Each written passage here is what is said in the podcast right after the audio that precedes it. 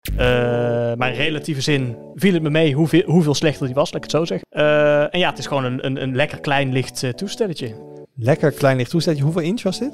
6,1. Dus precies. lekker, lekker klein.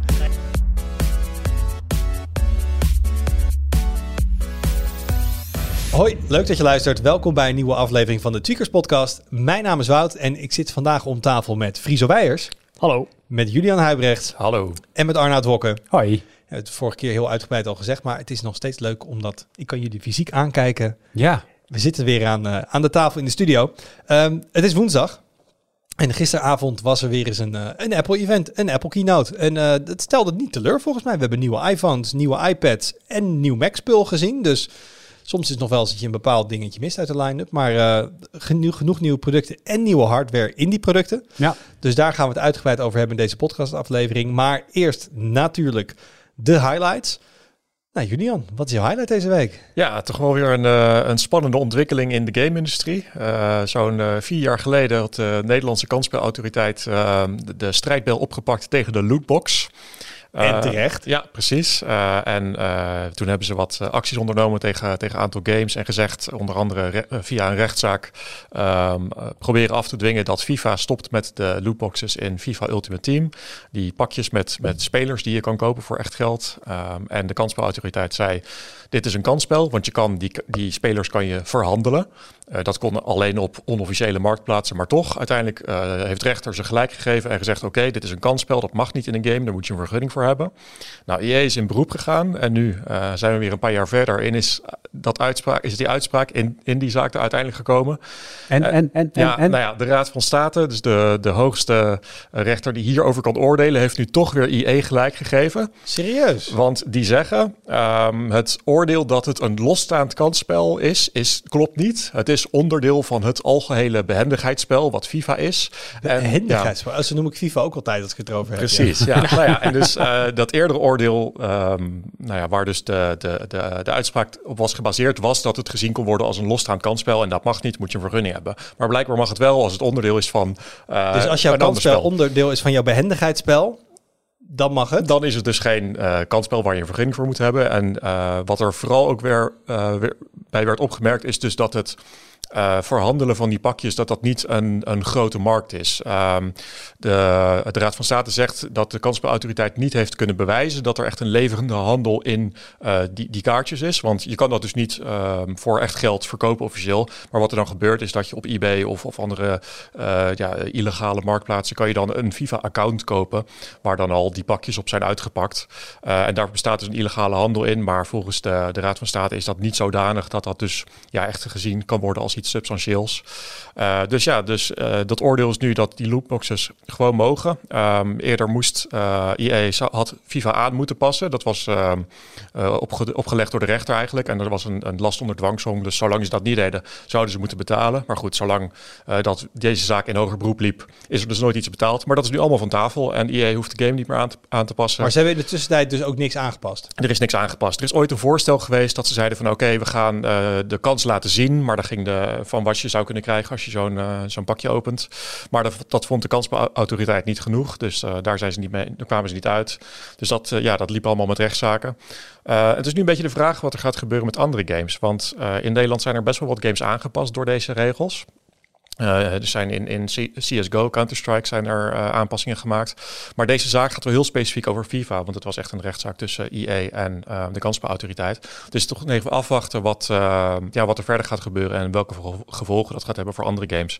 Maar ja, als je zo die uitspraak leest, dan klinkt het toch wel dat als het dus nou ja, een onderdeel is van het behendigheidsspel, dat het dan moeilijk is te zien als een losstaand kansspel wat dus in, in, strijd zou zijn met de wet. Ja, en dat komt dus wel omdat je geen in-game currency heb je niet. Dus als, ze, nee, kijk, als het gaat een hele grote in-game marketplace was, waarbij je gewoon precies. constant geld moest dokken het gaat, Het gaat erom, uh, wat de kansspelautoriteit heeft gezegd, is als je uh, kan handelen in de, de items met echt geld, dan mag het niet, want dan is het een kansspel. Maar goed, als je bijvoorbeeld in FIFA kan je die kaartjes wel ruilen met elkaar, maar je kan niet zeggen, oké, okay, hier heb je 100 euro en dan wil ik dat kaartje. Dat kan niet.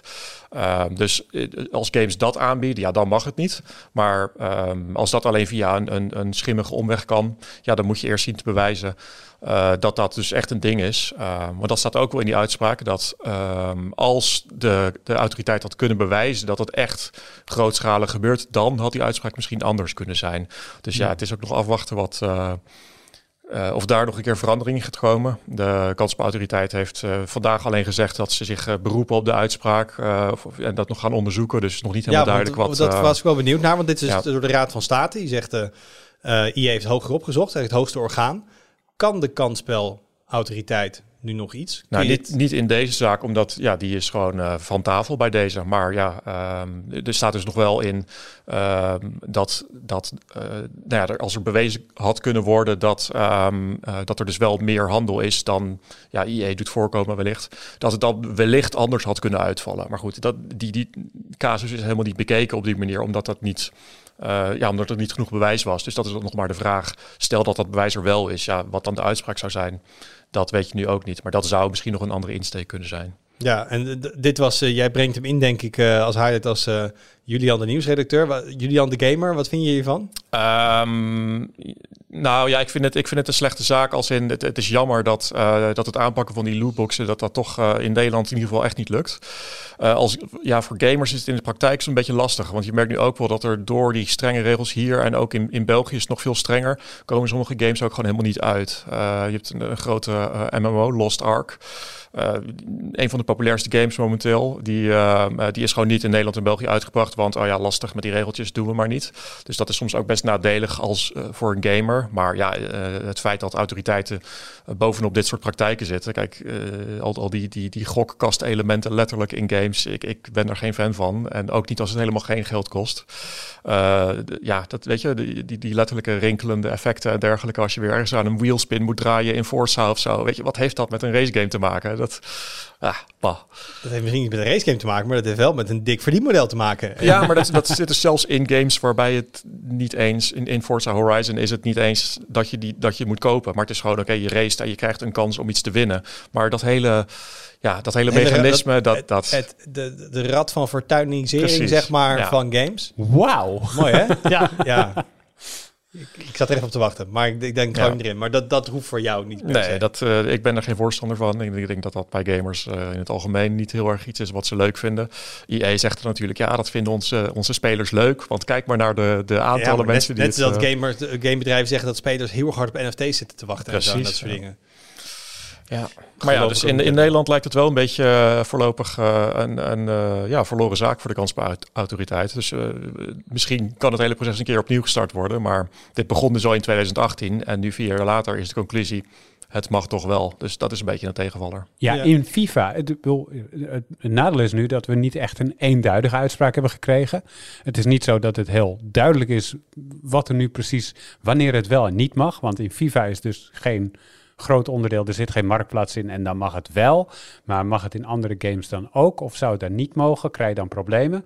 Bedoel, het juridische risico voor games blijft wel enigszins bestaan. Mm -hmm. En je zit dus in een soort van juridisch grijs gebied. Nou ja, het lijkt alsof ze elke keer dus een nieuwe afweging gaan maken. Van ja. oké, okay, hoe groot is die game? Oké, okay, kun je dus inderdaad iets verhandelen? Oké, okay, dat niet. Maar hoe groot is dan een beetje de officieuze marktplaats buiten de game? En het, het, is een beetje met net zoals als we kijken naar dat voor monopolisten een, een andere regelgeving geldt dan voor kleinere bedrijven in de markt. Waarbij als je klein bent en weinig markt hebt, mag je veel, veel meer doen. Ja. Uh, kom je veel verder en kom je met dingen weg als dat je een heel groot marktaandeel ja. hebt. Het is natuurlijk ook wel logisch dat uh, deze zaak uh, tegen EA en FIFA liep, want dat is gewoon de grootste in deze categorie. Ja. En de, de, de Ultimate Team is echt een miljardenbusiness letterlijk.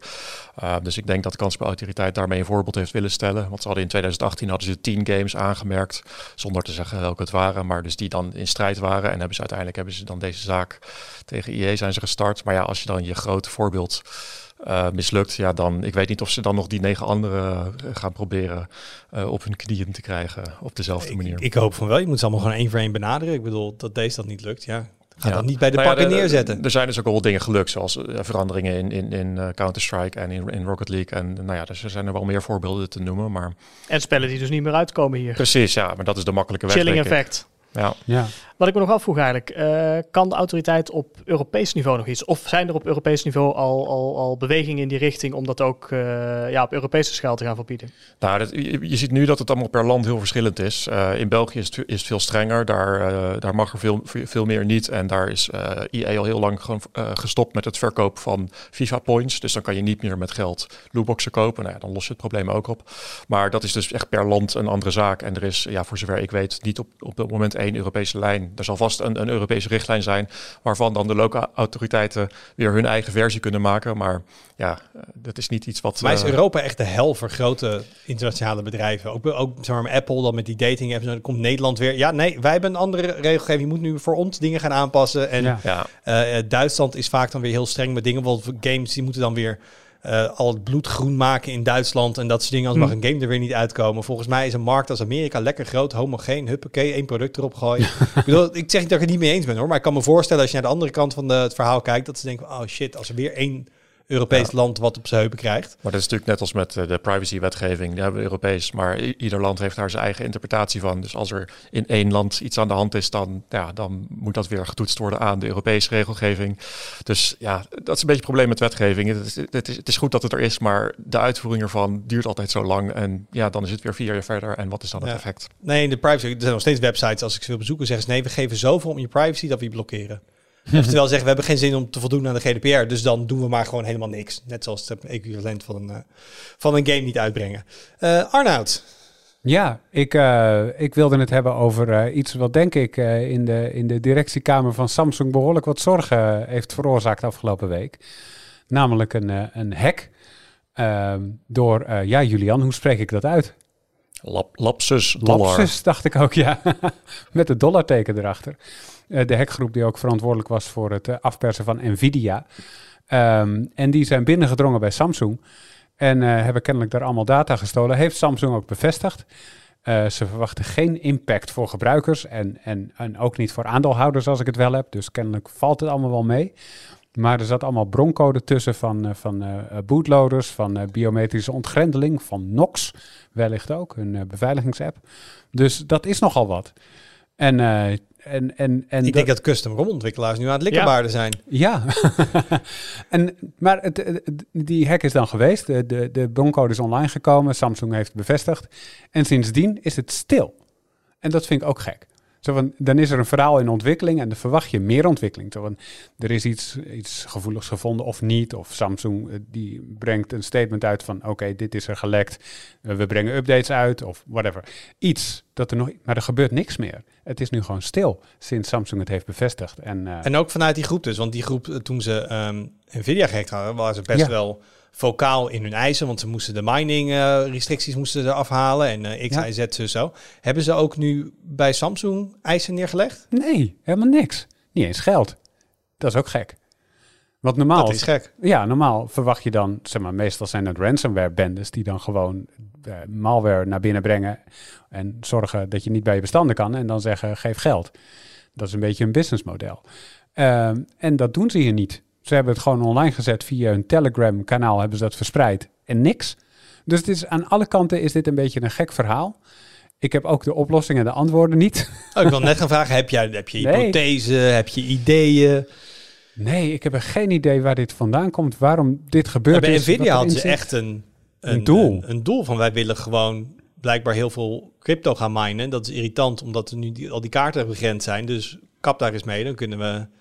Zie jullie al een beetje... Nou ja, dat, was, kijken. d- d- d- dat leek bijna een soort van, van Robin Hood actie. Want ze zeiden van we willen dat, dat Nvidia die driver voor iedereen eh openmaakt. En dus eh, geen eh, beperking meer op crypto. Want ze zeggen ondertussen ook, we kunnen dat zelf kunnen we dat wel aanpassen. En als je ons een miljoen dollar geeft, dan verkopen wij het wel aan iemand.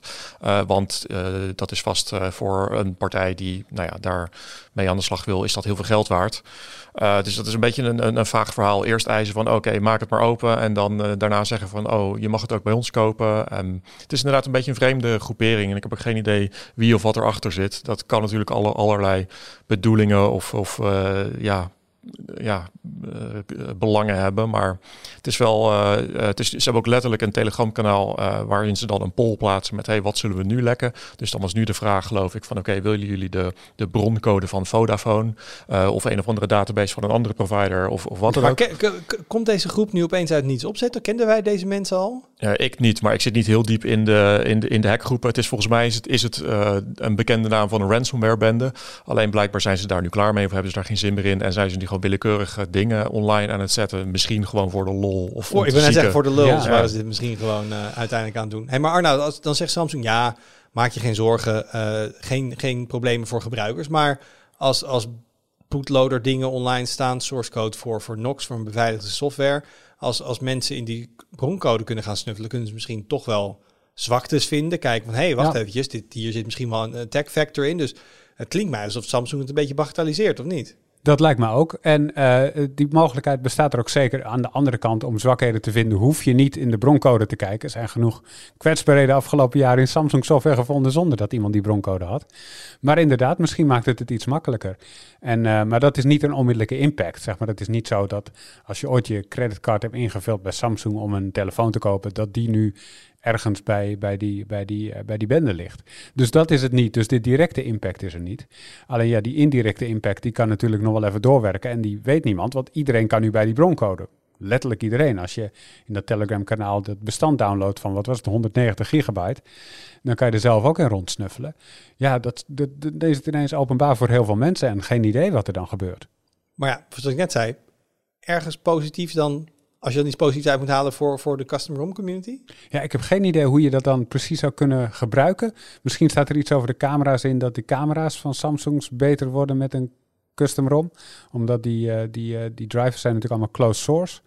Uh, kijk, Friso, jij, jij reviewt het allemaal met stocksoftware. Heb je enig idee hoe, hoe goed dat tegenwoordig werkt op Samsung-toestellen, als je daar andere software op wil flashen? Op Samsung-toestellen niet specifiek, maar ik weet wel inderdaad dat als je een custom ROM installeert, dan wordt er vaak, uh, ja, inderdaad dat soort software voor de camera bijvoorbeeld, uh, ja, die, die wordt natuurlijk uitgeschakeld of die wordt, uh, ik had laatst een Sony-toestel geflasht, dan staat het er ook zelfs bij van, pas op, als je gaat flashen, dan worden alle, zeg maar, custom camera dingen worden eraf gehaald of disabled, dat je toch dan ziet dat hij wat minder presteert. Althans, zegt Sony. Ik heb het nog niet geprobeerd of het ook echt zo is.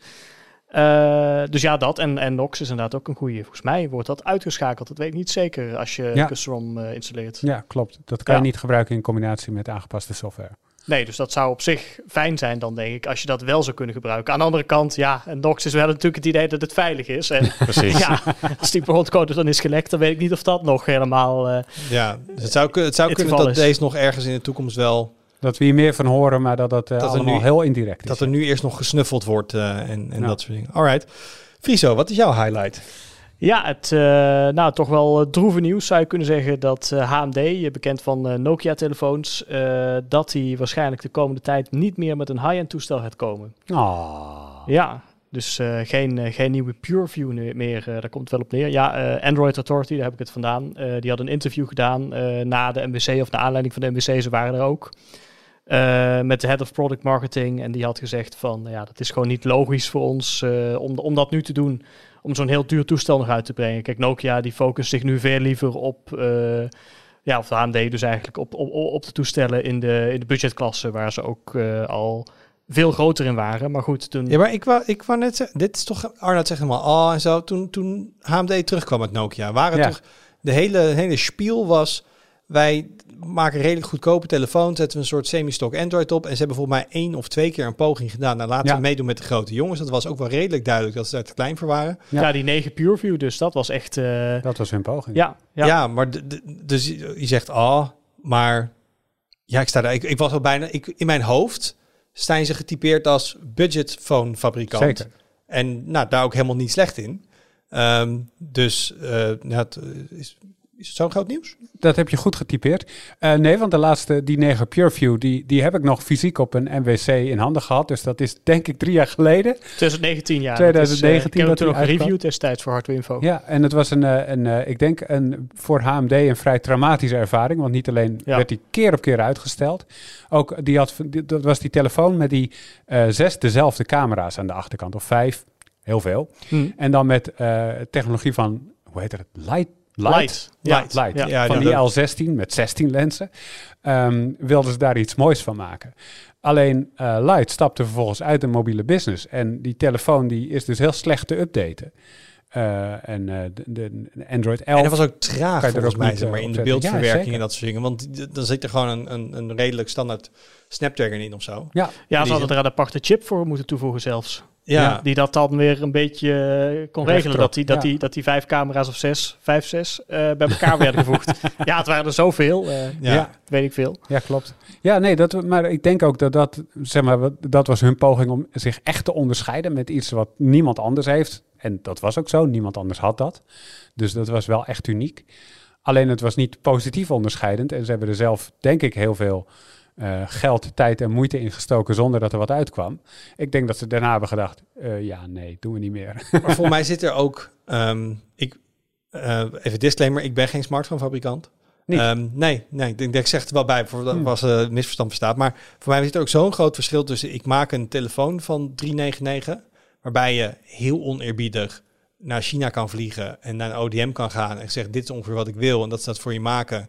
En je kan een redelijk op basis van een standaard hardware platform ook software updates pushen naar ik wil een high-end telefoon maken. Want je moet er zoveel onderscheidende dingen gaan toevoegen. Voor bijvoorbeeld afwijkende camera setups of andersoortige manieren van biometrische authenticatie. Het is allemaal niet meer zo off the shelf. En dan kom je inderdaad in, in ja, de warboel terecht van ja, dan moet je het allemaal zelf gaan bijhouden, eigen software schrijven, ondersteunen en zo. Dus voor mij is het, zeg maar, het verschil tussen een mid-range smartphone uitbrengen of een high-end is niet van we stoppen er gewoon duurdere onderdelen in. Nee. Voor mij is het gewoon een compleet ander spel wat je dan gaat spelen. Ja, en het is een ander spel waar je, waar je echt wel schaal voor nodig hebt ook. Zeker als je mee wil doen in de camera-race. dat draait heel veel om software. Daar heb je gewoon mensen voor nodig die die software schrijven. En, en we zien gewoon de afgelopen tijd dat, dat als je geen grote fabrikant bent... eh, en Friso, eh, corrigeer me als het niet zo is... maar dan, dan zie je dat gewoon af aan de camerabeelden die je maakt... Eh, en, en, en beeldmateriaal wat, je, wat je daarmee schiet. En dan kom je er gewoon niet. En bovendien, met enige schaal kun je ook de onderdelen kopen. De recente onderdelen bij Qualcomm, bij eh, Sony, die de camerasensors maakt. Eh, die kun je dan op tijd krijgen en voor een redelijk goede prijs nog. Waardoor je die telefoons ook daadwerkelijk kan uitbrengen op een manier dat ze aantrekkelijk zijn. En niet drie kwart jaar te laat en voor een veel te hoge prijs. Waar kleine fabrikanten vaak tegenaan zijn gelopen afgelopen jaren. Ja, mijn, mijn hoop is nog steeds dat die, die cameratopman van, eh, van Google, die eh, naar Adobe is gesmeerd, denk ik een jaar of twee geleden, dat ze nog ooit een keer met gewoon een soort universele app komen die je gewoon kan downloaden in de Play Store. Die dus met heel veel slimme com- computational photography trucjes op meerdere telefoons echt het niveau van, van de camera kan verhogen. Je moet gewoon Gcam downloaden, of eh, Wout. Ja, maar dat is dus een beetje, dat is zeg maar de hacky manier. Eh, maar misschien dat er dus wel een, een, een ja, wat professionelere versie van dat concept zou komen. Misschien met wel, weet je, profielen voor verschillende sensors. Dat ze dat nog een beetje kunnen tunen. Van, hey, je hebt dit type sensor, dan gooien we dit deel van het algoritme overheen. Ehm, want het is zo zonde dat al die, al die, die, die, die telefoonfabrikanten moeten nu ook een soort camera-algoritme-experts worden. En het is best wel lastig om dan die mensen te vinden. Zoveel zijn er waarschijnlijk niet in de markt. Eh, terwijl als je dat gewoon eenmalig goed doet voor een Android-ecosystem, dan kunnen die mensen weer met andere dingen bezig gaan. Ja. Eh, zoals AMD eh, goede instaptelefoons maken. Ja, zeker met die standaard componenten zoals die camera's in die midrange telefoons. Ik bedoel, de meeste hebben gewoon dezelfde camerasensors aan boord of vergelijkbare. Ja, dan is dat natuurlijk prima haalbaar als je daar, als je daar eh, de software eh, gezamenlijk voor zou maken. Ook al is het dan bij Adobe in dit geval. Maar eh, ja, inderdaad, dan zou dat veel beter haalbaar zijn om er veel meer uit te halen dan, dan nu gebeurt. Speaking of software. ehm, nou, we houden het heel erg in de, de alle highlights zijn bijna mobiele telefoon. Dan gaan we daarna lekker over op, op allerlei andere dingen, ook bij Apple. Ehm, ik moest het toch even hebben over de Pixel 6. Hmm. Ehm, als, als Pixel 6 gebruiker. Als je online leest over ervaring met dat ding, dan kun je zomaar het beeld krijgen dat dit ongeveer de slechtste telefoon ooit gemaakt is. Nou, daar ben ik het niet mee eens. Eh, er zijn mensen die heel veel verschillende soorten problemen ervaren die ik niet ervaar. Dat Maar- is niet echt een hoge lat om overheen te springen. hè? Wat zeg je? Het is niet de slechtste telefoon ooit gemaakt. Oké. Nee, nee, maar ik bedoel dat die, dat, die, dat die niet aangaat, dat die stuk gaat, dat die crasht, dat de camera het niet doet. Gewoon echt allemaal van die basic dingen, basic dingen die ik nog nooit tegen ben gekomen. Maar dit was wel Google's poging. Dit jaar gingen ze een professional, they're a, a big boy now. They're gonna make a big boy, echt een grote smartphone, echt een high-end phone. Dit ging het jaar worden. En nou komt er dus in maart nu een update uit. De, de 12.1 patch, de 12L patch. Voor alle pixels. Maar de Pixel 6 komt een paar weken later. Bij de vorige update was het ook zo. Bij een andere update hebben ze... Ze hebben nooit precies gezegd wat er was. Maar in sommige regio's hadden ze met een update... de, de ontvangst van het modem helemaal Ja. getrippeld, zeg maar. Kon je niet meer bellen? Bij andere updates waren de wifi-problemen. Ja, ik, ik vraag me toch een beetje af. Ik weet niet hoe de verkoopcijfers zijn, maar het, het blijft af en toe, en nu vooral bij, bij de software, ook bij Pixel, een beetje amateur hour, heb ik het idee. Want dan zegt Google wel van ja, maar dit is het jaar, we hebben zoveel marketingbudget. Maar je moet wel ook gewoon het product leveren. Het moet gewoon, dit is wel wat, wat ze beloven met de Pixel, van snelle updates. Het is van Google, het klopt allemaal. Ehm, en het is niet zozeer dat mijn gebruikservaring heel slecht is, maar ik ben, als ik een beetje naar de teneur online kijk, dan heb ik wel, vraag ik me af, zijn ze nou aan het bereiken wat ze dit jaar wilden doen? Ik heb hier een heel makkelijke theorie over, Wout. Oh, nou man, dan kom maar op. Volgens mij, eh, eh, en dat gaat al terug na de Nexus-dagen ook, eh, draaien Google-telefoons al heel lang op Snapdragons. Ik denk zelfs sinds de eerste Nexus. Misschien heeft er ergens eentje tussen, maar ik denk allemaal De Snapdragon. Galaxy Nexus was Texas Instruments volgens Die mij. was, ja, dat zou kunnen. Ik wou net zeggen, er zat er misschien nog eentje tussen. Maar niet veel. Ze hebben dus heel veel ervaring met al die Snapdragons. Eh, en met de modems die Qualcomm maakt ook, want dat zie je dus ook. Nu zijn ze overgestapt op een eigen Tensor SoC. Dat is gewoon een omgekatte Exynos van Samsung. En dat is dus een heel ander beestje. En eh, ik denk dat je daar nu, dat je daar nu de, de wrange vruchten van ziet, zeg maar. Want de problemen die, je- die je zegt, die spelen heel veel met het modem. Eh, wat natuurlijk nieuw is, want ze gebruiken echt een apart modem. Ook eentje die op de Amerikaanse markt bijvoorbeeld niemand anders gebruikt. Dus eh, veel Amerikaanse engineers die daar ervaring mee hebben, zullen er niet zijn. Want ja, niemand gebruikt het. Eh, en die hele SOC zelf en de hele opbouw die die, die heeft, ja, het zijn allemaal standaard ARM-onderdelen natuurlijk. Die, die, die, maar het is, het is allemaal wel vreemd en nieuw. Ja. En eh, ja, dan, dan ben je daar nog niet zo aan gewend. Ik denk dat we dat nu zien. En Dus dat dit dat zijn reden is. tensor groeipijnen, zeg jij. Ja, dat denk ik wel. En de early adopters die, eh, die boeten daarvoor. Ja, ja, maar dat is altijd. De early adopters boeten altijd, Wout. En ja, maar het dat voelt natuurlijk je niet als, als je zegt ik koop een ding waar zes in de titel staat. Dus het is de zesde in de, in de serie. Dan denk je niet dat je een early adopter bent, denk ik. Ja, dus de- uiteindelijk is het voor die eindgebruiker is het natuurlijk... Die heeft er helemaal geen boodschap aan of daar een Qualcomm sok in zit of een Tensor sok of eh, iets anders. nee. Ehm, dus nou ja, ik, ik ben benieuwd of ze ehm, aan het eind van het jaar, als ze de cijfers ook laten zien en dat soort dingen, of ho- hoe het dan ook het gedaan heeft. Want wat, ze hebben ze hoog van de toren geblazen vooraf. Ehm, ja, en of ze dat inderdaad waar kunnen maken. Maar eh, op softwaregebied voelt het, nou, het voelt een beetje, een beetje, een beetje amateuristisch. Ja, maar de volgende Pixel, Wout, die wordt zo awesome. dat wordt hem. Dat wordt hem. Dat, wordt hem. Nee, oké. Dat nog eentje wachten dan. Zeven keer een scheepsrecht, dat weet je toch? Is dat zo? Nee. Ja. maar Friso, jij, jij zit ook in deze hoek. Her- herken jij dit? Of eh, denk jij, ik review die telefoon, dan gooi ik hem weg, dan ga ik door met de volgende? Eh, nou, dat ook weer niet. Maar inderdaad, het review van telefoons is wel iets wat we natuurlijk helemaal in het begin doen. En ja, later natuurlijk een stuk minder. Want ja, er komen weer nieuwe dingen uit. Hè. Er komt weer een S22 uit, er komt weer een Oppo, weer een eh, Xiaomi, weer een weet ik veel wat. komt allemaal uit. Dus in die zin, ja, is het wel eh, misschien inderdaad review en door. Wat meer dan jij natuurlijk, die gewoon die telefoon hebt gekocht. En daar eh, de afgelopen maanden mee eh, de tijd heeft gehad om het helemaal de ins en de outs te ontdekken. Ja, precies. Ja, nee, dus ja, dat is trouwens altijd de crux. Ik bedoel, review is heel lastig. Ehm, Hmm. Op de lange termijn. Je zou eens kunnen zeggen, gewoon een redacteur die Ja, schrijft na een paar maanden nog wat. Maar je kan niet met alles kijken hoe het met updates gaat natuurlijk. Nee, precies. Ja. En eh, nou, ik bedoel, ik weet dat GSM Marina bijvoorbeeld, die doet dat, die doet dat wel als een soort aparte review dan, zeg maar de, de lange termijn review. Zoiets zouden wij ook kunnen doen. Maar goed, Ja. in eerste instantie... Nou ja, en je eh, merkt ook wel weer hoe die dingen zijn heel complex tegenwoordig. Dat dus de ene Hmm. persoon kan zeggen, ja, hij crasht bij mij elke dag. Eh, dat de ook camera start niet op Ja. en ik heb ontvangstproblemen. En de ander kan zeggen, ik heb geen flauw idee waar je het over hebt. Ja, klopt. Bij mij in de regio werkt het goed. Maar Dus- eh Wout, er is, wel, er is wel hoop. Want wat we bij vorige Pixels wel hebben gezien, is dat eh, Google, eh, die brengt niet alleen updates en upgrades uit, maar die maakt als een van de weinige fabrikanten volgens mij de telefoon ook merkbaar beter en soms ook sneller op termijn. Dat is in ieder geval bij de Pixel 4 en 5 gebeurd. Voor mij was de 4 die, die op een gegeven moment een boost kreeg in kloksnelheid van de GPU. Of iets in die richting. Die, die kon staan bij. hoger. Dus eh, ja, het kan zijn dat de Pixel 6 nog later eh, zijn peak performance haalt. Nou, wat ik vooral nog afvraag, er waren geruchten voorafgaand, is dat ze eh, toch face unlock gingen toevoegen op basis van de camera. Waar allemaal verwijzingen in de source code gevonden en zo. Nou, toen zelfs in marketingmateriaal. Ehm, bij de launch zat het er niet in, dus waarschijnlijk. hypothese, kregen ze het niet goed werkend. Maar ik zit toch elke bij elke update te kijken van, goh, hebben ze dan toevallig gewoon Face Unlock nu nog toegevoegd? Want ze waren, dat het gewoon in marketingmateriaal al stond, ze moeten heel dichtbij zijn geweest. Ja. Eh, of nou, of de bewaren ze dan toch maar weer voor versie 7. Waarvan ik recentelijk heb gehoord dat dat echt de beste gaat worden. Dat wordt hem. Ja, dat, wordt hem echt. Dus daar Nu gaat, echt, eh, daar gaat niks meer fout bij. Van telefoons en van Google naar Apple. Mhm. Ehm, dat was gisteravond. Eh, we zien, nou, wij zitten hier fysiek met elkaar op kantoor. Er is een fysiek Mobile World Congress geweest. Maar er was geen fysiek Apple-event.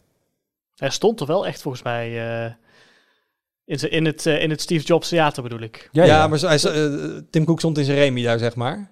Eh, niet ja, met, met nee, een, klopt. Maar met het- een het- publiek. hij, hij stond niet zeg maar in een soort blauw, eh, blauw scherm waar ze dan iets op hadden geplakt. Zoals Nee, sommige anderen van ja. de kant ook doen. Hij stond wel echt Ja. fysiek in zijn, in zijn theater. Dat Ja. is waar. Maar Ar- Arnoud, van waar denk je, is dit gewoon makkelijker? Gaan ze nooit meer terug, omdat dit gewoon leuker is? Of was het nog gewoon even te vroeg? Ik denk, ja, aan de ene kant, zo'n evenement plannen ze natuurlijk wel een tijdje van tevoren. Je weet niet hoe zo'n variant zo'n pandemie zich precies ontwikkelt. Dus ik denk gewoon dat ze vroegtijdig hebben gezegd, nou ja, weet je wat, voor de zekerheid doen we het virtueel. Dat kan in elk geval. Dan kunnen we dat heel mooi maken. En aan de andere kant, wat natuurlijk ook speelt, is wat ze hebben laten zien. Dat vereist niet, zeg maar, dat er heel veel mensen daar zijn om dat aan te raken. Ik bedoel, er was een iPhone, een iPad en, en, en een Mac-product. En die iPhone en die iPad, dat zijn in feite specbums. Iedereen weet al hoe die dingen eruit zien. Spoilers, kom ik zo pas op. Ja, sorry. Ik denk, ik zeg het maar even. Ehm, dus ik denk dat dat ook meespeelt. Als ze echt iets hadden laten zien. eh, Ik, ik noem een VR-bril. Stel je voor dat je laten zien. Dat wil je mensen echt laten ervaren. Eh, dat met een online evenement doen is wel echt lastig. Maar zulke dingen, ja, dat kan natuurlijk prima online. Daar mis je niks aan. Nou, en ik moet zeggen, hun officiële policy is volgens mij ook nog dat ze voor in winkels nog steeds... Ze waren nu ook de, de, de, de, mond-neusmaskerverplichting aan het afbouwen... en het aantal dagen naar kantoor ja. gaan het opbouwen. Dus ze zitten wel in een soort heel duidelijk plan van hoe ze met die Hm. pandemie omgaan. Ja. Ehm, en zeggen we gooien een theaterzaal vol, staat misschien een klein beetje haaks op de dingen die ze op andere locaties doen. Ja, dat denk ik ook. Ehm, maar inderdaad, je zei net al, ehm er verschillende nieuwe producten. Maar laten we even beginnen met wat er in de producten zit. Want we hebben natuurlijk... Wanneer kwam de eerste M1 uit? Is dat, is dat Eind vorig jaar? 2020. Eind 2020. En ze zijn eigenlijk steeds verder gaan bouwen. Dus ze hadden een eigen sok en dan echt een hele krachtige. En dan kregen we de, de M1 ehm, Max en we hebben de M1 Pro. M1 Pro, die bestaat Max. ook. Ja. En we krijgen nu de M1 Ultra. Ehm, voor mij hebben we alle superlatieven nu gehad. Eh, Julian, wat is een M1 Ultra? Ja, nou ja, dat was een leuke verrassing tijdens de, de presentatie gisteren. En ook een opvallend eh, technisch eh, presentatie. Dat Apple zelfs naked die shots laat zien. Dat je echt de naakte chip ziet. Dat hebben ze eigenlijk nou ja, afgelopen jaren niet zoveel gedaan. Ze, hebben iets, ze om trots op te zijn. Precies, ja, dat, dat zie je nu echt. Kijk, toen ze die Intel-processors gebruikten, toen was het een beetje een moedje. En daar ga je natuurlijk dan niet zo, niet zo uitgebreid over praten. Maar dat doen ze nu echt. Dus hebben ze de, de M1 Ultra aangekondigd. Eh, dat is oneerbiedig, is dat eh, de M1 Max keer 2 aan elkaar geplakt. Eh, en het ja, koppelen van chips is een, een, een efficiënte manier om meer rekenkracht te krijgen, terwijl het niet heel erg duur wordt. Want de, een- de M1 Max is al een hele grote chip van meer dan 400 vierkante eh, millimeter. En hoe groter je zo'n chip maakt, dat wordt echt exponentieel duurder en moeilijker om te maken. Dus die M1 Max is een beetje de maximale grootte wat ze kunnen maken.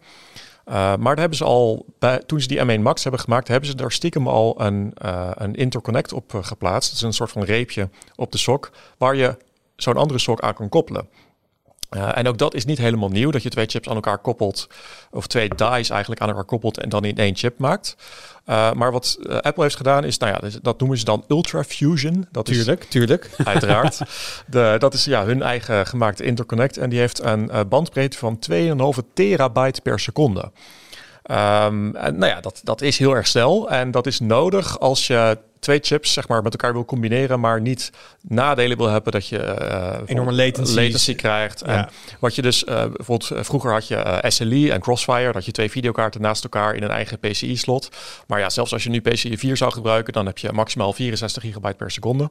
Dus als je die dan, als je die twee kaarten samen eh, één game wil laten, laten draaien, dan is dat eh, een bottleneck, want ze kunnen niet goed samen aan één ding werken. Dat werkt prima als je parallele taken hebt, als je gewoon eh, berekeningen gaat doen, wat het allemaal naast elkaar gebeurt. Ehm, maar dus Apple claimt dat met die interconnect dat, dat er geen nadelen zijn van het aan elkaar plakken van die twee chips door die hele snelle interconnect. Dus ja, dat is nog even afwachten of dat echt zo is, maar het klinkt heel veelbelovend. En uh, dus nog even voor de mensen die niet alle M1-versies uit hun hoofd hebben. Een 1 Max had hoeveel CPU-cores? De M1 Max heeft uh, maximaal 10 cores. Um, en dus dat je krijgt er 20 bij de Ultra? 20 cores en de GPU die kan nu naar maximaal 64 cores. Um, en wat Apple dan zegt is, nou, uh, dat verbruikt ongeveer 100 watt en is even snel als een RTX 3090. Nou ja, en een RTX 3090, dat uh, verbruikt zo'n 350 watt. Dus dat belooft heel veel goeds. Maar belooft heel veel goeds, dat klinkt bijna te mooi om waar te zijn. Ja, het is wel, uh, als je kijkt naar de opbouw van die chip, dan is eigenlijk ook het oppervlak van die M1 Ultra is veel groter dan een, um, uh, dan een RTX 3090. En dat komt door die opbouw van die chip. En waarom die dus vergelijkbaar zou zijn, is omdat hij gewoon heel veel cores naast elkaar heeft. Nee, je hebt dus 64 GPU-cores. Um, en die zijn dan relatief laag geklokt. En ja, als je dan inderdaad een, een rekentaak hebt waarbij je gewoon parallel efficiënt kan rekenen, dan is het even krachtig als, een, als zo'n snelle Nvidia videokaart. Maar ja, dat wil niet zeggen dat je er ook heel goed op kan gamen. Uh, ten eerste zijn er ja, weinig Mac games OS. voor, ja. voor macOS. Maar zelfs als die er zouden zijn, zou het, uh, ja, dan zouden die, die games ook uh, geoptimaliseerd moeten zijn om met ja, heel veel parallele taken te rekenen. En, ja, dat is nog maar de vraag of dat ook echt zo is. Dus je kan, ja, je kan hem ook niet zo direct met elkaar vergelijken. behalve als je het over ja, echt de workstation taken hebt. Dan is zo'n zo'n parallele GPU zoals Apple die maakt ja, heel erg handig. En oh. zal die ook heel snel zijn. Oké, okay, ze claimen dus op GPU-vlak uh, 3090 prestaties en zo'n 20-core CPU. Waar, waar, waar, is dat mee te vergelijken als ik kijk naar wat, wat Laten we maar niet naar kijken naar andere ARM-chips, maar wat mm-hmm. Intel en AMD... Ja, uh, nou ja, het is wel in, in de, in de uh, Apple-presentatie hebben ze die ook nog even mooi tegen de Mac Pro gezet. Dat is natuurlijk het absolute vlaggenschip, maar daar zit een Xeon-processor in. Die is gebaseerd op architectuur uit 2017, dus dat is ja, ondertussen zo'n vijf jaar oud. Uh, maar dus die, die M1 Ultra is dan... Um, uh, of zelfs de, de, de M1 Max is al sneller dan, uh, dan de 16-core Xeon. En de M1 Ultra is sneller dan de 28-core Xeon. Um, ja, dat zal zo zijn in de juiste uh, benchmarks. Maar ja, dit is natuurlijk geen vergelijking met de, de nieuwste Threadrippers met 64 cores of de allernieuwste Alder Lake processors. dus ja, het is een beetje, ik denk dat je de, de, de CPU-rekenkracht moet zien meer in de, de hoek van de, de high-end desktop processors van, van Intel en AMD. Dus zoals de, de 16-core desktop processor van AMD en de, de nieuwe uh, 12, uh, 1200 serie van, of 12.000, wat is het tegenwoordig, van, van Intel. Dus ja, uiteindelijk zijn het natuurlijk gewoon A14 cores, de, de, de, de cores uit de, de Apple iPhone processor van, nou ja, vorig jaar. Niet eens, niet eens van... Uh, de iPhone, de, de nieuwste iPhone, van de iPhone 12. Dus eigenlijk heb je 20 mobiele cores. Het zijn wel hele snelle cores, maar ja, het zijn geen hele grote desktop cores. Ja, maar dit, en hiermee maken ze dus wel de line-up compleet. Want ze begonnen natuurlijk heel klein met die eigen chips. En toen eerst de eigen telefoons. En toen kwam het naar een laptop. En toen dachten we ook nog bij de eerste laptop... nou, dan zal het wel naar een soort MacBook Air gaan. Want ze hebben nooit genoeg rekenkracht om echt een MacBook Pro hierop te baseren. Nou, dat hadden ze wel. Um, en zeg maar, de, de, de Mac Pro kan nu de deur uit, zeg maar. Wat vroeger de. Nou ja, op zich wel. Als je er gewoon nu kijkt wat ze nu aanbieden, uh, is als je nu een, de snelste Mac wil, dan koop je de Mac Studio, waar die, die M1 Ultra in zit. Maar uh, dat zeiden ze nog letterlijk bij de presentatie: van oké, bijna alles is nu over naar de, de eigen uh, Apple Sock. Maar er is nog één product wat nog niet is overgestapt. En wacht af, er komt later meer. dat is dus de Mac Pro. Um, dus dan pakken ze twee M1 Ultra's op één moederbord of zo. En dan gaan ze ook nog Ik ben wel heel benieuwd. Dat ze ook met de naam wel heel erg in de problemen gaan komen. Wat is nou inderdaad wat, ultiem ja, dan Ultra? Wat is er boven Ultra? Ik denk wel dat, dat ze misschien voor die uh, PC een, een andere uh, aanpak willen doen. Want wat je nu dus ook ziet aan dan de, de Mac Studio met uh, die sok erin. Kijk, zo'n sok is heel snel, want het voordeel is alles zit op één chip. Dus het geheugen zit op de chip, de videokaart zit op de chip. Alles is gewoon één chip. En dan kan alles heel snel met elkaar praten. Super efficiënt. Maar als je iets wil upgraden, vergeet het. Dat kan niet. Ja, maar dat, daar zijn we niet heel erg geschokt door bij Apple. Nee, toch? dat is waar. Maar de Mac Pro is natuurlijk wel een ander verhaal. Daar heb je, er komen nog steeds nieuwe videokaarten uit voor de Mac Pro. Er is er vandaag weer eentje aangekondigd. Gewoon een, een nieuwe AMD Voor, voor workstations voor de Mac Pro. Uh, dus als, uh, als Apple met een nieuwe Mac Pro komt, ja, ik, ik, ik denk niet dat dat gewoon weer twee keer uh, een twee keer zo grote chip is. Of ze zullen sowieso iets, iets anders moeten bedenken om die chip nog groter te maken, want ze kunnen er voor zover bekend niet vier aan elkaar plakken. Ehm, dus ja, ik ben, ik ben heel benieuwd inderdaad wat die Mac Pro uiteindelijk gaat worden. Maar dat is wel echt de laatste... Ja, als je zegt dat ze met losse videokaarten gaan werken en ze offeren alle die space van de videokaart op voor CPU-cores. Ja, precies. Nee, maar dat, is, dat zou kunnen inderdaad. Als, als, ze, als ze dan bijvoorbeeld inderdaad een, een, een sok maken met alleen CPU-cores en wel weer losse videokaarten met een of andere speciale hele snelle verbinding. Dat zou heel interessant kunnen zijn. Maar dat is echt een beetje koffiedik kijken. nog. Ja, maar je noemt nog eventjes de Mac Studio. Gewoon een compleet nieuwe Mac. Die kennen we nog niet. Ja, ho, Ehm, wacht, mag ik nog heel even terug, Wout? Want je, je noemde het net al even, maar Apple die gaat dus denk ik wel serieus in de problemen komen met hun namen. En niet met de M1 Ultra Pro Max, of hoe die in de Mac Pro ook mag gaan heten. Maar er komt de volgende generatie aan, zo horen we al maanden geruchten. Die heet dan M2. En het probleem is dan dat de M2 is veel trager dan een M1 Pro of een M1 Max of een M1 Ultra. Maar dat, dat, dat zie je niet zo. Je hoort gewoon een hoger getal, dus je denkt die is beter. En ik ben benieuwd hoe ze dat gaan oplossen. Of, of dat ze dan M1.1 doen, of dat ze iets anders doen. Maar de M2 gewoon zonder achtervoegsel zal dan in een iPhone zitten. Nee, nee, dat zit gewoon in een, in een MacBook Air. In een MacBook Air, in in een een Mac Mini iPad. en dat soort dingen, ja. En iPads natuurlijk. En iPads. Maar nu, ik, ja. ik zie niet heel erg het probleem. Ja, het is, het is natuurlijk wel. Je moet een beetje in de chip zitten. Dan, dan begrijp je wel dat een. Kijk, eh, als je je- een, een M1 of, of de, de M1 Ultra is letterlijk zeven keer zo groot als een M1. Ja, Dus als er dan een M2 komt die net zo groot is als een M1, maar nieuwe cores heeft, ja, dan als je iets van chips we- weet, dan weet je wel dat dat dus nooit beter kan zijn dan een M1 eh, Pro, Max of Ultra. Ehm, en aan de andere kant, de gebruiker die dat niet weet, maakt het misschien niet zo heel veel uit. Want Apple heeft jarenlang eh, producten aangekondigd zonder maar iets te zeggen over de chips die erin zitten. Het is gewoon de best iPad ever. Eh, of nou ja, noem maar wat. Hij is gewoon really, really fast. Just buy Precies. it. Ja. oké. Dus ik, ik ben het wel eens met jullie. Alleen ik denk de mensen die eventueel zeg maar erin zouden kunnen stinken, die vinden het interessant genoeg om dit te snappen, denk ik. En ja, voor de, an- de rest heeft gewoon geef mij een iPhone. Ja. Ehm, doe maar lekker. En denk je trouwens, eh Jill, dat, eh, dat, dat Intel deze soort naamgeving over zou kunnen pakken? Poeh, nou dan moeten ze wel eh, heel erg gaan veranderen. Ik denk het niet. Ik bedoel, Intel zit eh, ondertussen aan de twaalfde generatie. En, en die zijn meer van eh, de U- en de P-versies. Waar Ja. het dan voor, voor eh, nou ja, zuinig en performance staat. Maar En Core i9 Max?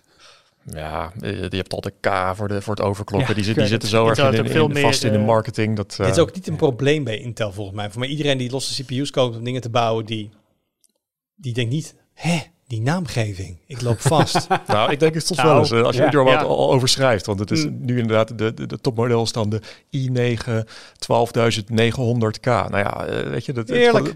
Zoveel, zoveel getallen erin dat je... je Dat rolde gewoon van de tong, joh. Er was echt niks meer Jongens, maar tenminste hebben we het niet over eh, namen van televisies. Mhm. Wat Of gewoon monitoren. type nummers zijn. Of monitoren inderdaad. Ja, het, kan, het inderdaad. kan nog allemaal... eh, Het kan erger. Het kan nog allemaal erger. Maar nog heel veel, die Mac Studio. Voor mensen die het niet gezien hebben, ten eerste, check het YouTube kanaal. Eh Arnaud heeft een hele leuke video gemaakt samen met Mark. Ben je in vier minuten nog wat ben je bijgepraat. Heb je het ook gezien. Maar dat zijn voor mij twee Mac Minis op elkaar gestapeld ongeveer.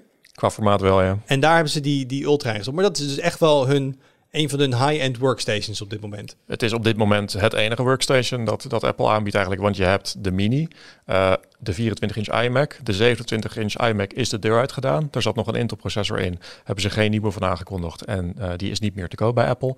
En dan heb je nu de, de Mac Studio. Nou ja, die begint bij eh, zo'n 2300 euro. Ehm, en ja, het is, het is echt, zoals de naam al zegt, is het, is het een studio-apparaat. dus het heel erg gericht op de. Precies, op de creatorsmarkt, de, de videomakers en de, de photoshoppers. Ehm, en ja, dat zie je ook wel een beetje aan de prijs natuurlijk. Het is niet echt gericht op, eh, op, op thuisgebruik of, of hobbyist. Al is dat natuurlijk prima voor geschikt als je dat geld ervoor over hebt. Eh, maar ja, het is, het is echt eh, ja, workstation. En En hij heeft ports. Al de ports. Ja, heel veel eh, USB-C poortjes, waarvan eh, vier met, eh, met Thunderbolt 4. Dus ja, je kan erin prikken wat je wil. Ook wel, wel mooi in de presentatie was ehm, eh, dat ze lieten zien hoeveel Apple 6K schermen je erop aan kan sluiten. Dat waren er een stuk of vijf geloof ik. En dan ook nog een 4K tv. Eh dat was echt een beetje een, een zo van...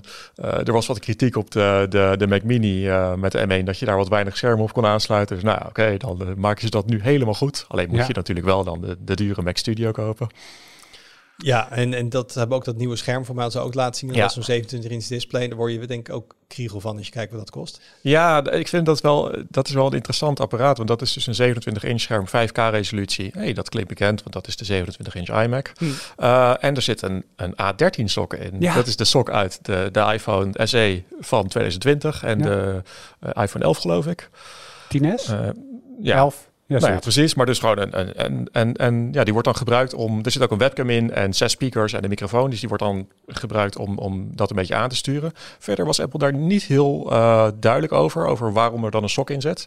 Eh, ik neem aan dat, je, dat dat is om dan gewoon ja, de werklast van je aangesloten eh, oude Intel Mac eh, te verlichten, bijvoorbeeld. Want die kan, dat arme misschien, oude Intel Mac. die kan dat misschien niet aan. Ik neem aan als je daar een Mac Studio aan hangt, dat je dan ook best wel die, die, die webcam en, en audio kan aansturen. Ja, Maar maar er dat zit, is ook, eh, er zit ook center stage in. Hè? Dus die Ja. feature waarbij die dus een stukje kan inzoomen of kan uitzoomen. Als Ja, je dan precies. met meerdere er personen zit, in beeld gaat eh, staan. Een beetje de iPad en de iPhone Hm. functies in. Dus misschien ook gewoon, oké, dat is allemaal al in die chip verwerkt. Dus ook met de, makkelijk. Ze hebben de iOS Ja. code bezig al liggen. Precies. En met de de, socks ook nog. met de, Ja. de neural cores en de neural engine die, die, die dat, dat, dat allemaal regelt. Dus ja, er is nu een monitor met een, met een iPhone sok. Alleen je kan hem niet als, eh, als los apparaat Ik gebruiken. wil zeggen, je, dat je, je kan hem niet als iPhone gebruiken. Dus je kan die 27 inch monitor niet tegen mijn oor aanhouden. Bellen. Nee, maar ja, als je er een touchscreen in zou doen en, en er iOS eh, of iPadOS op zou draaien, dan zou het gewoon een, een, een soort van iMac Het is zijn. wel mooi dat je maar, ja. je OSD ingaat. In je onscreen minuutje om gewoon wat kleur op je monitor aan te doen. Dat je gewoon in een full-blown iOS-omgeving Ja. komt. Nou, zou, zou kunnen. Maar. Ja, dat zou... Twee dingen. Eén, eh, als je OSD zou willen, ik denk dat je dan nog wel eens van een koude kermis thuis kunt komen. Want dat hadden die, eh, voorheen wa- was er een LG-scherm, ook met zo'n 27 inch 5K-paneel. Dat verkocht Apple dan in zijn, in zijn store, omdat ze gewoon zelf geen monitor hadden. Maar die had gewoon geen OSD.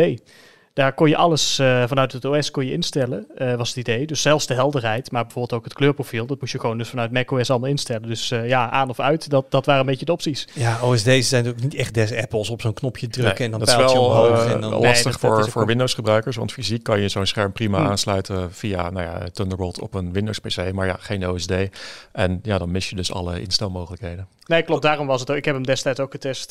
daarom was het ook voor Windows gebruikers helemaal geen, geen goede optie. Maar nog iets wat ik nog erbij wilde zeggen, Wout. Want dat is wel heel erg eh, goed voor jou. Dat is goed voor mij. Nou, hij heeft een simpele naam. Het Apple Studio Display.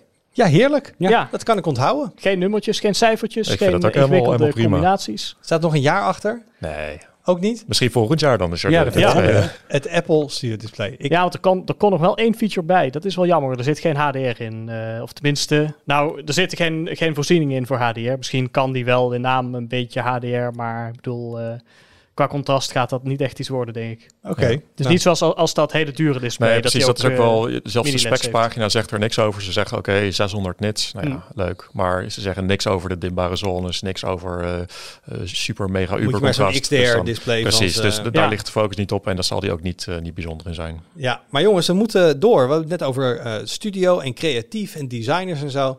En wat zijn die designers bij Apple toch heel druk bezig geweest met de nieuwe iPhone? Wauw. Want, want er is een nieuwe iPhone SE, toch? Nou, er zijn eh, nieuwe kleuren. Rood, nee, dat- dat weten we ook, maar dat is Ja. voor de huidige. Maar dat is de 13 eh, in het groen, is hij nu ook? Hij is in het groen, jazeker. Eh nee, maar ook eh, de SE is in weer in eh, net iets andere kleuren, volgens mij, toch? Eh, rood, rood, wit en blauw? Of was, Ja, ja, was die oude Helemaal- ook in rood en Ik, blauw? je zou daar een ezelsbruggetje voor kunnen bedenken. Hm. Rood, wit en blauw. Maar ik kom er even niet op. Misschien is het Nee. de vlag van een land of zo. Oh, van Frankrijk. Tada. Ja, nee, dat ken Oui, ik. oui. Ehm, maar even, even zo- zonder gekheid. eh, er is een, een iPhone SE, ik ken natuurlijk, die is nu met 5G-ondersteuning. Komen ze ook nog even op. Ja, Ehm, het design. Volgens mij is het de iPhone 6 waar we dit op terug kunnen voeren. Eh, nou... Of acht, niet- nee, toch ja, ik, ik- acht, ja. Want de 7 die had nog een volledig metalen behuizing. En met de 8 zijn ze toen overgestapt op een eh, behuizing van glas en eh, metaal aan de zijkant. Dus maar ja, uiteindelijk, de 8 zag er eigenlijk hetzelfde uit als de 7, die er weer hetzelfde uitzag als de- als de 6. Ja, dus het, in het die is zeg maar het bekende ja. iPhone look Ja. met Touch ID onder het scherm. Ehm, enigszins afgeronde hoeken. Ehm, dus het, het, het is niet het meest vooruitstrevende midrange. Nou, dit, zo, zo zou je dit eh, heel positief kunnen omschrijven, laat ik het zo zeggen. ja, inderdaad. A- Het is als je bij de Apple winkel werkt. Ja, ja, precies. Het is gewoon een gerecycled ontwerp van acht jaar Hm. oud, laten we er eerlijk over zijn. Ja. En zo ziet het er ook gewoon uit. Ja, En waar En- ze en ook wat oudere hardware in kwijt kunnen. eh, want wel- welke sok zit hier dan in? Nee, een A15 uit, Oh, dat eh, wel. uit, eh, uit de iPhone eh, 13 van, eh, van eh, zes maanden geleden. Dus de sok is daadwerkelijk hetgene wat... legt ze ook heel veel nadruk op tijdens de presentatie. Dat, Dat is het nieuw. Eh, dat maakt ook allemaal camerafuncties mogelijk. Ze zeiden niks over een nieuwe camera. Dus ik neem aan dat het nog dezelfde is. Als, als die de wel, vorige ja. iPhone SE. En dan heb je dus over een camera component van drie, vier jaar oud ongeveer. Ehm, dus eh, eh, op dat gebied is er weinig verbeterd. 5G zit er dan wel in, maar niet zoals in de iPhone 13. Dus millimeter wave is voor ons in Nederland niet zo belangrijk, maar zit er niet in. En hij heeft bovendien maar twee keer twee MIMO, dus hij heeft maar twee antennes voor 5G. En niet vier, zoals de iPhone 13 eh, Pro's dat wel hebben. En veel andere telefoons ook. Eh, dus dat betekent in de praktijk misschien minder snel 5G, maar geen idee hoe dat zich echt vertaalt. Eh, dat, dat zouden we moeten uitproberen. Maar is dit, eh Friso, als je het vergelijkt met andere toestellen in hetzelfde segment, is dit nog überhaupt bijzonder 5G? Het begint al een beetje gemeengoed te worden. Nee, ik denk in het segment eh, wat in Nederland kost, die, ik denk tegen de 500 euro. Volgens mij is die kost die hetzelfde. 530. 530 zelfs. Nou goed, dan is 5G zeker gemeengoed. Ik bedoel, er zijn nog steeds toestellen die je kunt kopen die het niet hebben, laat ik het zo zeggen. Maar veruit het meeste, ook wat nu wordt aangekondigd, heeft het wel. Eh, en als je gewoon voor de rest kijkt wat, naar alle midrange dingen die we hier testen en, en wat die allemaal te bieden hebben. Ik bedoel, dit is de instapper van Apple, maar laten we het geen low-end telefoon noemen voor dit geld. Nee. Ehm, hoe, hoe, dit is toch voor mensen met een misschien iets beperktere portemonnee. Kijk, mensen die gewoon echt een iPhone willen hebben en er gewoon een ding van 1300 euro kopen, die zullen misschien niet snel twijfelen tussen dat en een eh, S22 Ultra. Maar als je denkt, nou, ik wil rond de 500 euro uitgeven, heb je best wel veel andere keuze ook. Ja, zeker. En het is eigenlijk, ja, ondanks dus dat het zo'n zo'n zo'n oud ding is eigenlijk, als je er naar kijkt, laten we wel wezen, is het ook wel in die zin een heel interessant aanbod. Ik bedoel, geen andere fabrikant biedt een toestel aan dat er ook zo uitziet. Eh, ook zo klein is trouwens. Nou, dat, dat, Ja. is nog, dat is nog wel positief, dat het, dat het echt een klein, eh, klein toestelletje is. Eh, dus ja, enerzijds heb je echt die supersnelle processor. Ik bedoel, er zijn in dat segment wel toestellen met een 870 Snapdragon 870 of een eh 888, dus de high-end sok van vorig jaar. Eh, maar ja, de A15 is nog echt wel een stap, eh, zit nog echt wel een stap daarboven. Dat is het positieve dan. Maar ja, aan de andere kant, display is gewoon eh, zwaar verouderd. LCD, eh, Ja, klein. dus voor mij zie, kun je tegenwoordig op een 200 euro telefoontje heb je al een mooi AMOLED display. Ja, ja, ja, inderdaad. Dus nee, dat, dat, dat is gewoon zwaar verouderd natuurlijk. Eh, ja, design is verouderd. Eh, de camera, eh, ik bedoel, dat is er ook sowieso dus maar één. Dus eh, je kunt niet een stukje uitzoomen Eén of inzoomen. Camera op een telefoon. Ja, Mhm. ja, één camera. En ik zag ook, want eh, je zei Arnoud, er zitten nieuwe camera features in. Eh, inderdaad, ze hebben die, die, die smart HDR4-functie dus van de, van de 13-serie hebben ze dan wel overgenomen. Dat hij de, de, zeg maar de objecten in de omgeving wat slimmer herkent. Dus dat hij de ruisonderdrukking aanpast op de lucht bijvoorbeeld of op, op een gezicht. Dat kan ook. Eh, maar ik zag geen nachtmodus ertussen staan weer. Dus ik denk dat dat te maken heeft met de sensor. Dus dat het inderdaad dat oude sensortje is wat ze nog gebruiken. Waardoor je dus niet s'nachts eh even goede foto's ook kunt maken als met andere toestellen.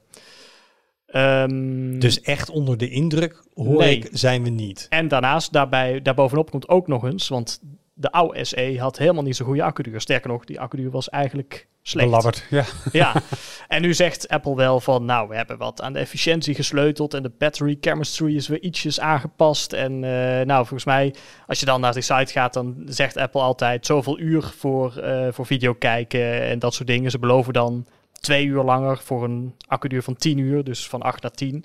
Ja, in hoeverre dat in de praktijk ook zal blijken, dat, dat moet nog maar blijken. Maar in ieder geval, ik ben bang dat het op zijn best van slecht naar eh, ronduit matig eh, gaat. Ja, als we moeten gaan gooien op battery chemistry en niet gewoon, kijk eens, we hebben een grotere accu erin gepropt. Want dat Ja, zeggen past ze niet, hè? liever. Nee, dat past ook Nee, niet. want het is een klein telefoontje. Hm. Ehm, ja, en de iPad Air heeft een specbump. Is, is dat het hele verhaal? Dat is het hele verhaal. Nou, zit, zit wel een M1 in, eh, Wout. Dus Ja. het is wel, het is, het is, ja, het is een specbump, maar het is wel echt, als je kijkt naar de, de prestaties, best een forse specbump. Ja, oké, maar en volgens mij ook een price bump, of niet?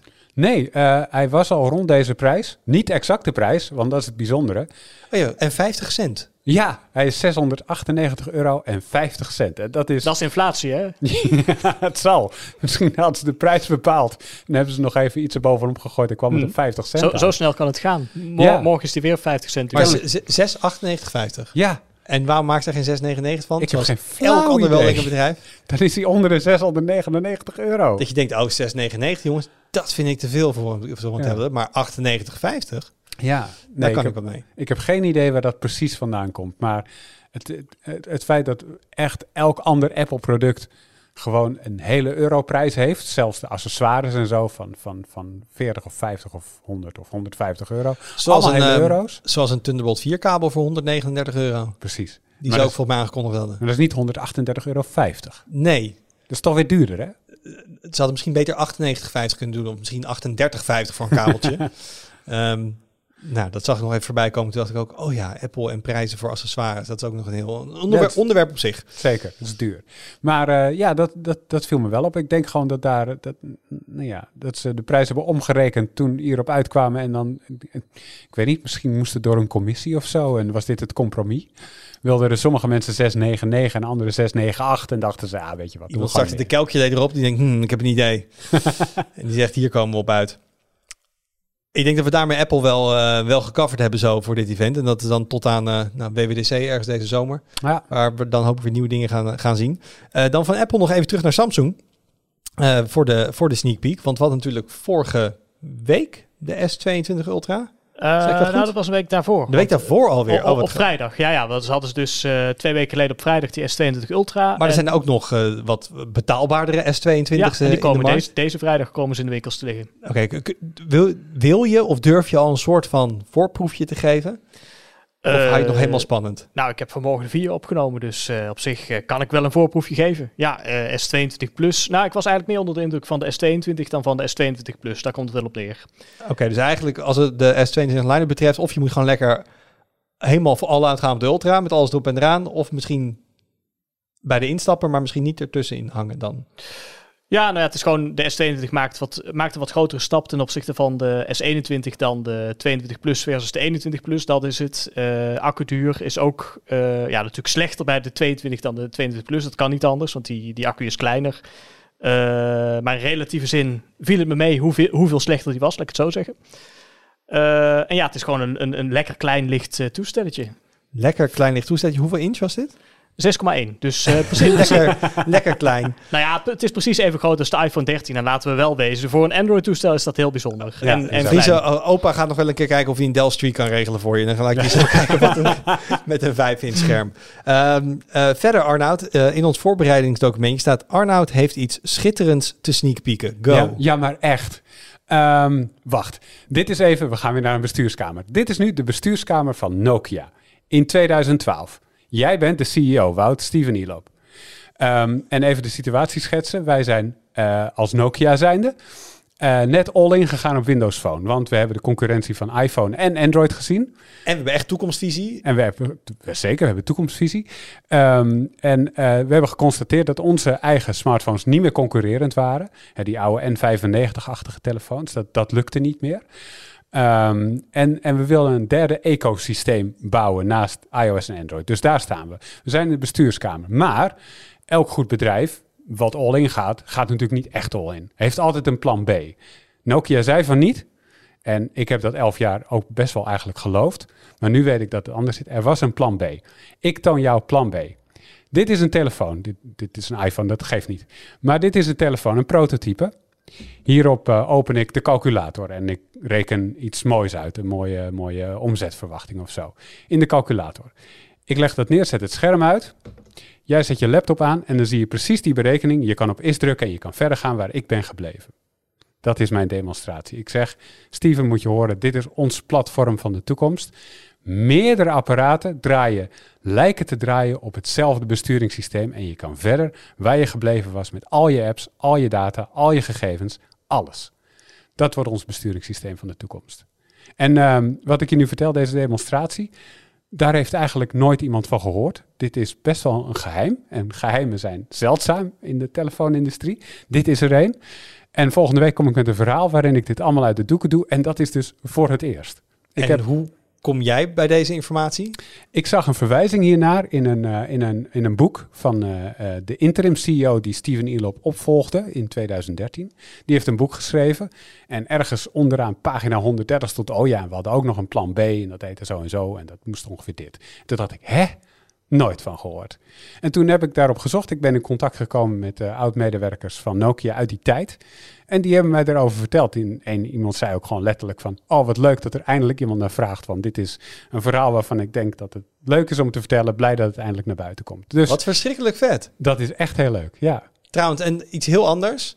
Um, als ik ook nog een keer een goede Dungeon Master voor een D&D campaign zoek. ik zat helemaal in die boardroom, hoe je dat ja, omschreef. Ja, Ik, ik was er.